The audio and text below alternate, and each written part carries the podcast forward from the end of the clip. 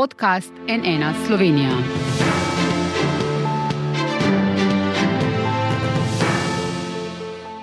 Dober dan, to je NN studio. Tik preden se poslanke in poslanci dokončno odpravijo na parlamentarne počitnice, bodo na izredni seji odločali še o izjemno pomembnem zakonu o dolgotrajni oskrbi.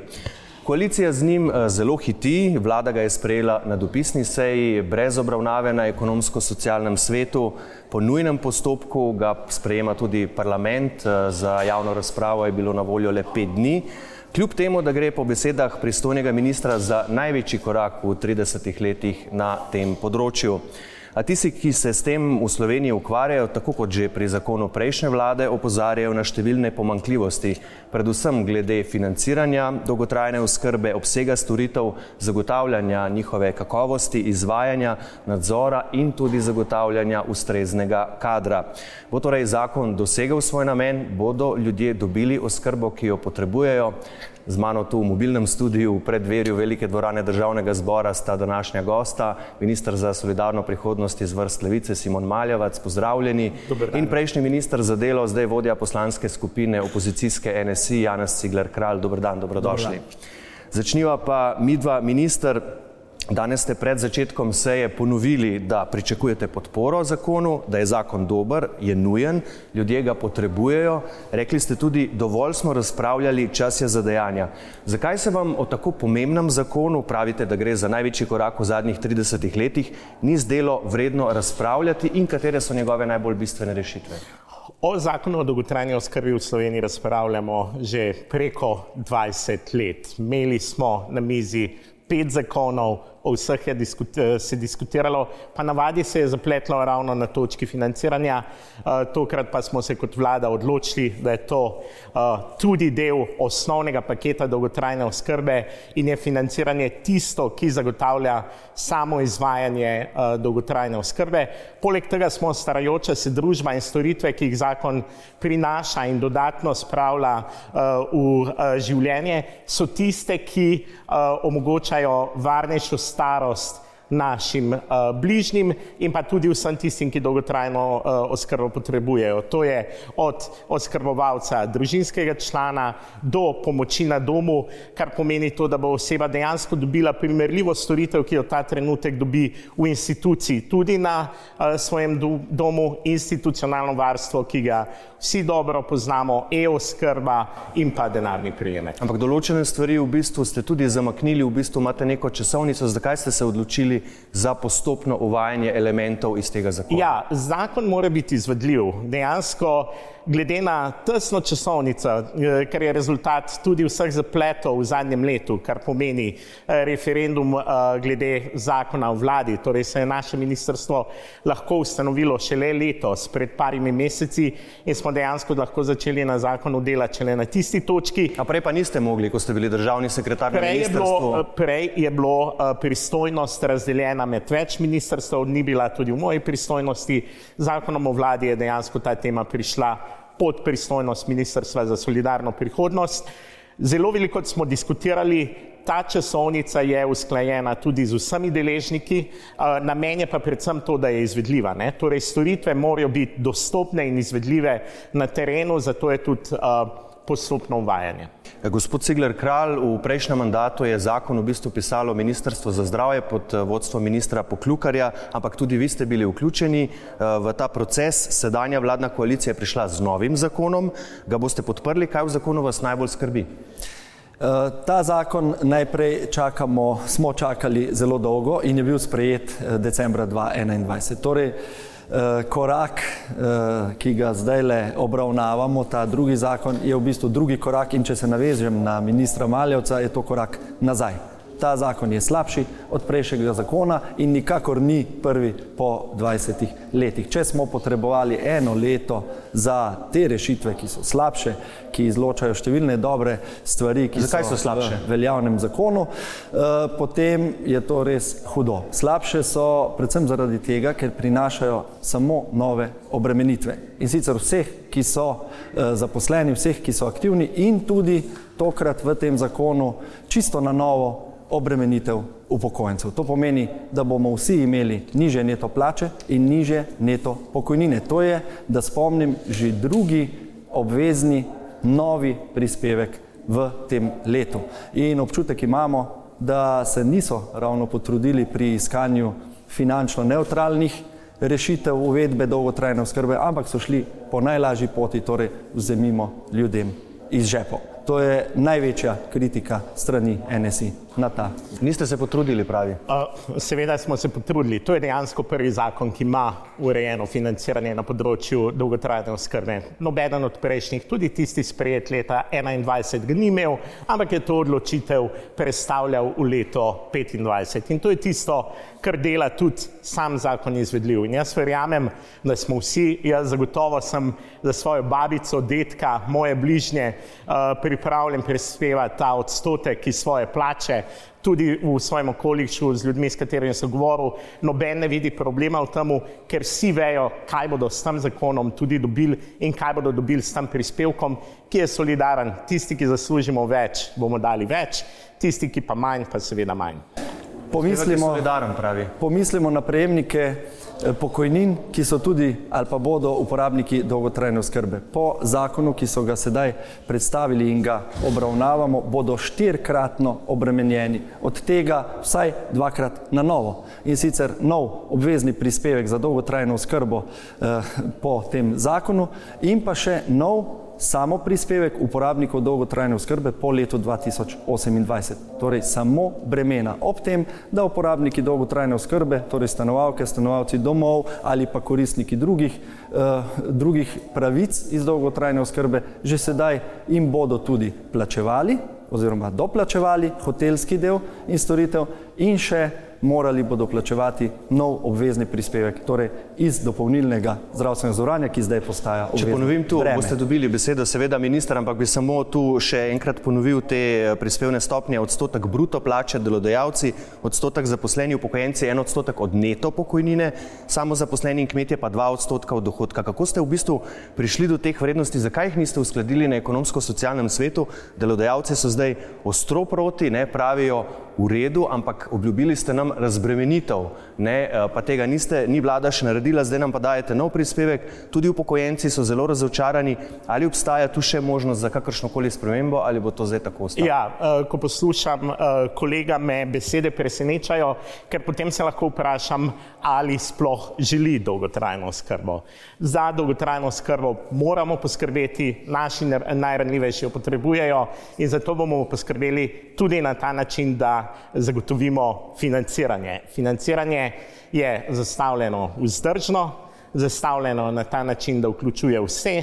Uh, moramo se zavedati tudi, na kakšen način pokojninski sistem v Sloveniji trenutno delujejo. Nimamo pok uh, bruto pokojnin, imamo neto pokojnine, zaradi tega je tako urejeno. Bi vas pa popravil, samo bo seveda prispeval tudi državni proračun in sicer v višini 190 milijonov letno. Da, 190 eh, milijonov uh, letno. Uh, Ampak dejstvo je, gospod Cigler Kralj, da je tudi zakon vaše koalicije predvideval obvezni prispevek, ampak s posebnim zakonom, šele leta 2025, nič o višini. Zakaj torej menite, da je bila vaša rešitev, kar se tiče financiranja, boljša?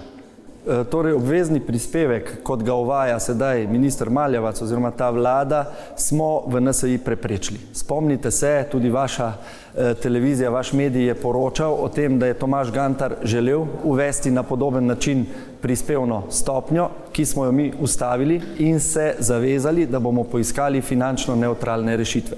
In pogledajte, če bi ta vlada samo pustila uvajanje naše dohodninske reforme, bi pravzaprav dosegli ta cilj, ljudem bi ostalo še nekaj več, ob tem bi pa uvedli dolgotrajno skrbo brez uvajanja novih bremen, kar bi bilo izjemno, izjemno pomembno. Poleg tega pa smo mi imeli res ne samo načrte, ampak tudi že izvedbo, da bi v dolgotrajno skrbo pripeljali čim več evropskih sredstev, kar nam je v veliki meri že na začetku uspelo. Uh, ustanovili bi demografski sklad, ki bi prispeval stabilno sofinanciranje letno iz državnega lastništva. Pa nobenih zneskov določenih, ne? tega pa ni bilo. Seveda so bili zneski so bili zelo natančno določeni, ampak hkrati pa vemo, da je stvar dinamična. Zaradi dolgožive družbe seveda so stroški višji, kot bi bili sicer, tudi COVID epidemija je svoje prispevala in ker gre tu za kombinacijo eh, socialno-varstvene in zdravstvene storitve, je izjemno pomembno, da imamo natančne preračune, predvsem pa stabilne vere in da ne obremenjujemo plač in pokojnin ljudi. In to je ena večjih kritik NSI temu zakonu. Poslušamo, sej to nismo sami ugotovili, ampak poslušamo stroko, poslušamo domove za starejše, ki pravijo, še zdaj ne vemo, kaj bo iz katerega vira financirano, kaj bo iz obveznega zdravstvenega, kar, kaj bo iz novega obveznega zdravstvenega prispevka in kaj bo iz tega prispevka za zdravstveno zavarovanje. Torej, zmeda in ta zakon je neizvedljiv. Ja, um, um, gospod Cigler kralj je jasno povedal, ne? financiranje so in odločitev glede financiranja so premaknili v prihodnost. Tega mi kot vlada ne želimo početi, uh, financiranje je integralni sistem, del dolgotrajne oskrbe in kot tak ga moramo rešiti skupaj s prejemom samega zakona. Na ta način tudi uh, vsi državljani in državljanke dobijo celo sliko. Uh, ne samo delo, delno vejo, kaj bodo morali prispevati in kaj bodo za ta denar tudi prejeli. Mhm. Zdaj, glede financiranja, ne, po oceni vašega ministrstva je treba zagotoviti 960 milijonov letno, od tega bo proračun prispeval 190, to ste rekli. Eh, preostali znesek potem z obveznim prispevkom, ki prihaja 1. julija 2025, zdaj predvideva pa tudi lastno udeležbo, torej da uporabniki sami doplačajo k storitvam. Najprej ste v zakon napisali, da je to od leta 2032 naprej, zdaj bil pa sprejet v četrtek na odboru za delo Eh, koalicijska mandma, da že od leta 2028 naprej. Zakaj? Ja, dolgotrajna oskrba je živ sistem. Uh, kakšni bodo stroški v prihodnosti, je težko predvidevati, moramo imeti pa uh, določene varovalke, da je sam sistem vzdržen. Leto 28 je vseeno pet let od danes. Uh, do takrat uh, bomo imeli tudi še bolj jasno sliko, kar se tiče potrebnih stroškov in se ravno glede točke financiranja lahko, če bo potrebno, ponovno uh, pogovorimo. Na ta način je pa sistem vzdržen dolgoročno in zagotavlja samo izvajanje. Ampak koliko bodo morali ljudje doplačevati potem? 10 odstotkov, 20 odstotkov, koliko bo tega doplačila? Po, če bo uh, ta klauzula stopila v veljavo, je 10 odstotkov predvidenih od leta um, 28 naprej. Kaj pravite na to, gospod Cigler Kralj? Lahko rečem, da od obravnave tega zakona naprej lahko začnemo novo delitev na politično levico in politično desnico. Politična levica gleda predvsem na to, kako iz žepov ljudi potegniti čim več in to prerasporejati, torej sporoča ljudem, da oni znajo bolje razporejati denar ljudi, na drugi strani NSI kot del politično desne sredine eh, gleda predvsem na to, da uvajamo finančno neutralne rešitve. Torej, ljudem mora ostati več, ker oni najbolje znajo razporejati svoj denar. In tu smo priča ne samo uvajanju novega davčnega in prispevčnega bremena vseh, ki delajo in tudi upokojencev, prejemnikov pokojnin, ampak celo obremenitve na zalogo, če slučajno eh, načrtovana, planirana sredstva ne bodo zadostovala. To se nam zdi pa v Novi Sloveniji res nesprejemljivo, ker pravzaprav poslabšuje na zalogo položaj ljudi. Ali mislite, da bo minister Maljevac, če bo še takrat eh, v eh, položaju ministra, ta prispevek, samo prispevek vseh uporabnikov dolgotrajne oskrbe ukinil, če bodo ugotovili, da je denarja iz drugih virov dovolj. Ga boste?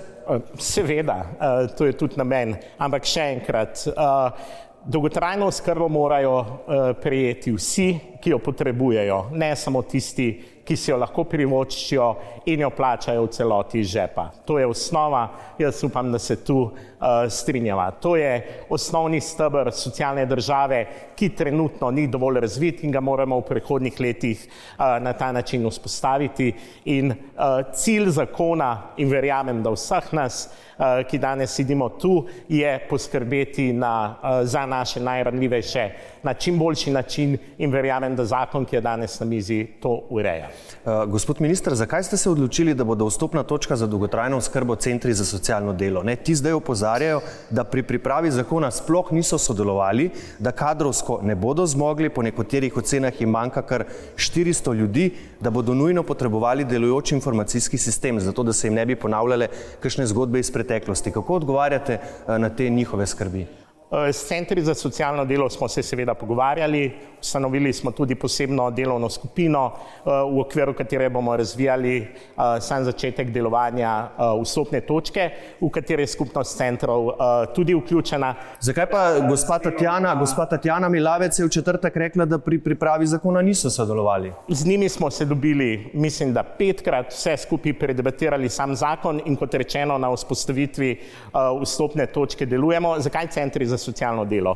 Zaradi tega, ker samo storitev hočemo približati uh, ljudem. Uh, jaz verjamem, da je to tista točka, uh, kjer bo vsak imel možnost povedati, kaj potrebuje in bo posledično uh, storitev mu bolj približena. Kaj nismo hoteli? Nismo hoteli, da bi dolgotrajna uh, oskrba potekala preko klukanja preko pregleda zdravniških izvidov in tega, kar komu pripada, ampak da je storitev, ki jo bo dobil, res prilagojena tej osebi posebej in da bo res naslavljala njegove potrebe. Gospod Cigler Kralj, zakon vaše koalicije pa je kot vstopno točko za dolgotrajno oskrbo predvidel enote Zavoda za zdravstveno zavarovanje. Zakaj menite, da bi bila to boljša rešitev? Kaj bi bilo drugače?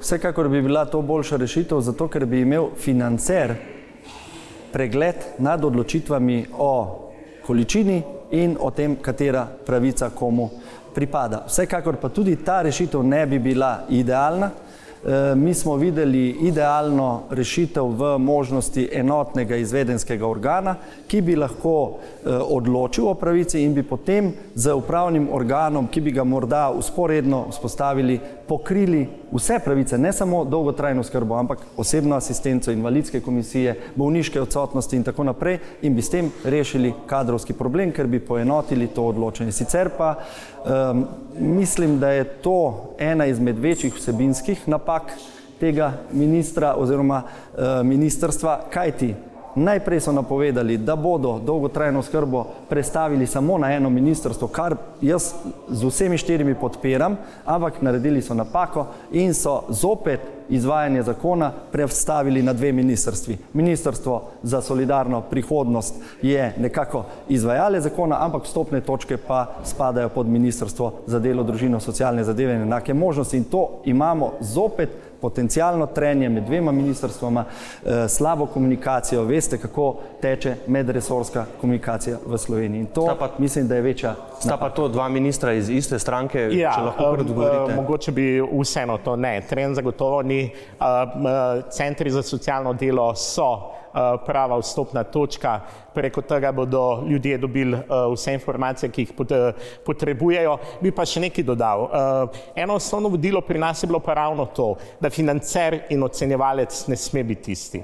Ker potem bo tisti, ki ocenjuje, vedno gledal skozi prizmo denarja in mogoče dodelil uh, manj pravic. Ne? Tako da nam je pomembno, da je financiranje ločeno od samega ocenjevanja in da res se gleda situacijo vsakega posameznika in da ta dobi tisto, kar rabi, ne pa da je to vlogi še uh, tisti, ki daje denar. Mhm. Kratek odgovor, potem gremo v sklepni del. Seveda bi po veljavnem, uh, to se pravi našem zakonu, uh, govorili o multidisciplinarnih timih in seveda bi bil postopek odločanja ločen od uh, financerja v smislu odločanja uh, o pravici. Tako da tu nimamo argumenta za to, da gremo na centre za socialno delo, sploh pa, eh, ko jih poslušamo, tudi skupnost centrov za socialno delo eh, in ko minister trdi, da so se veliko pogovarjali.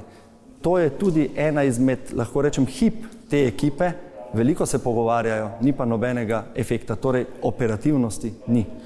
Ja, mogoče bi tu dodal. Uh, najprej Ministrstvo za solidarno prihodnost, veste, da je bilo blokirano z referendumom. Uh, lansko leto sam sem na pozicijo ministra nastopil šele 25. januarja, takrat se je šele ministrstvo začelo vzpostavljati. Glede operativnosti, v tem času smo spisali zelo kompleksen uh, zakon, ki je danes na mizi, tako da vse pohvale moji ekipi in tudi vladi. En del ste pa tudi treba povedati v bistvu pre, prekopirali iz prejšnjega uh, zakona, to je pa tudi res. Uh, zdaj, v sredo se obeta veto državnega sveta, uh, danes seveda uh, glede na koalicijski stroj uh, sprejem ni vprašljiv. Kaj sledi potem, gospod minister?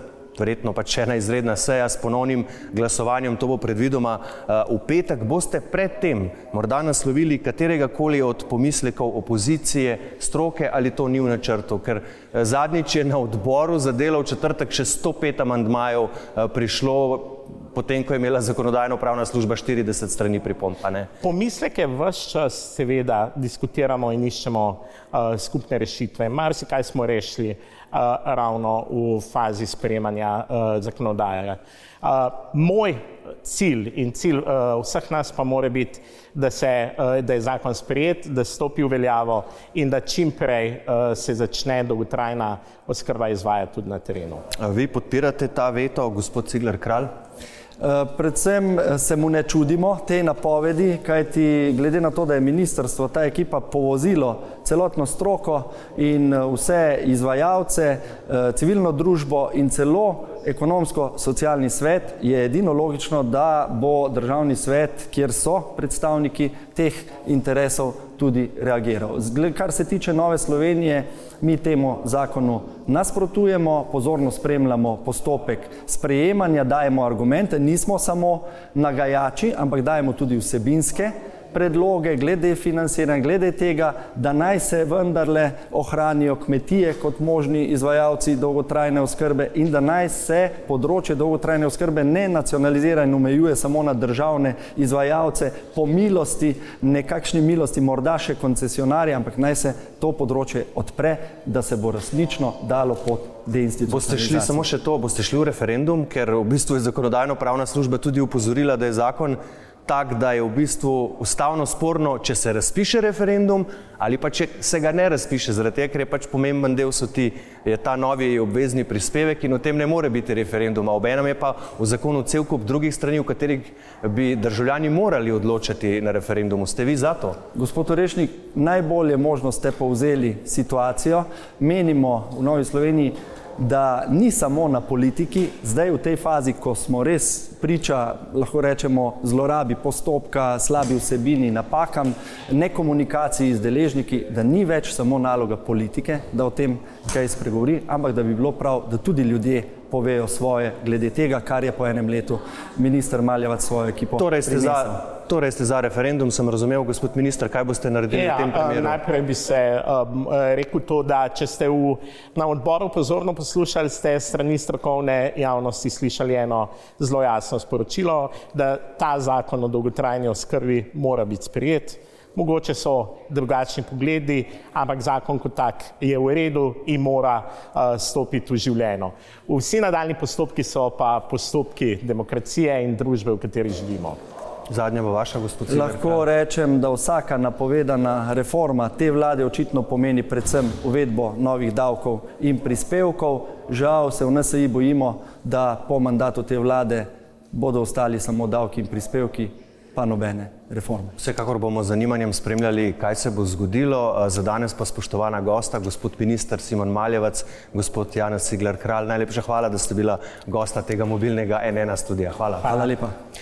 Hvala pa tudi vam za vašo pozornost. Seveda bomo na nnainfo.si pozorno naprej spremljali, kaj se bo dogajalo s tem zakonom, torej veto, ponovno izglasovanje, morda tudi referendum. Če boste spremljali nnainfo.si, boste prvi izvedeli vse iz eh, tega mobilnega studija v državnem zboru, pa le še lepo zdrav in nasvidenje.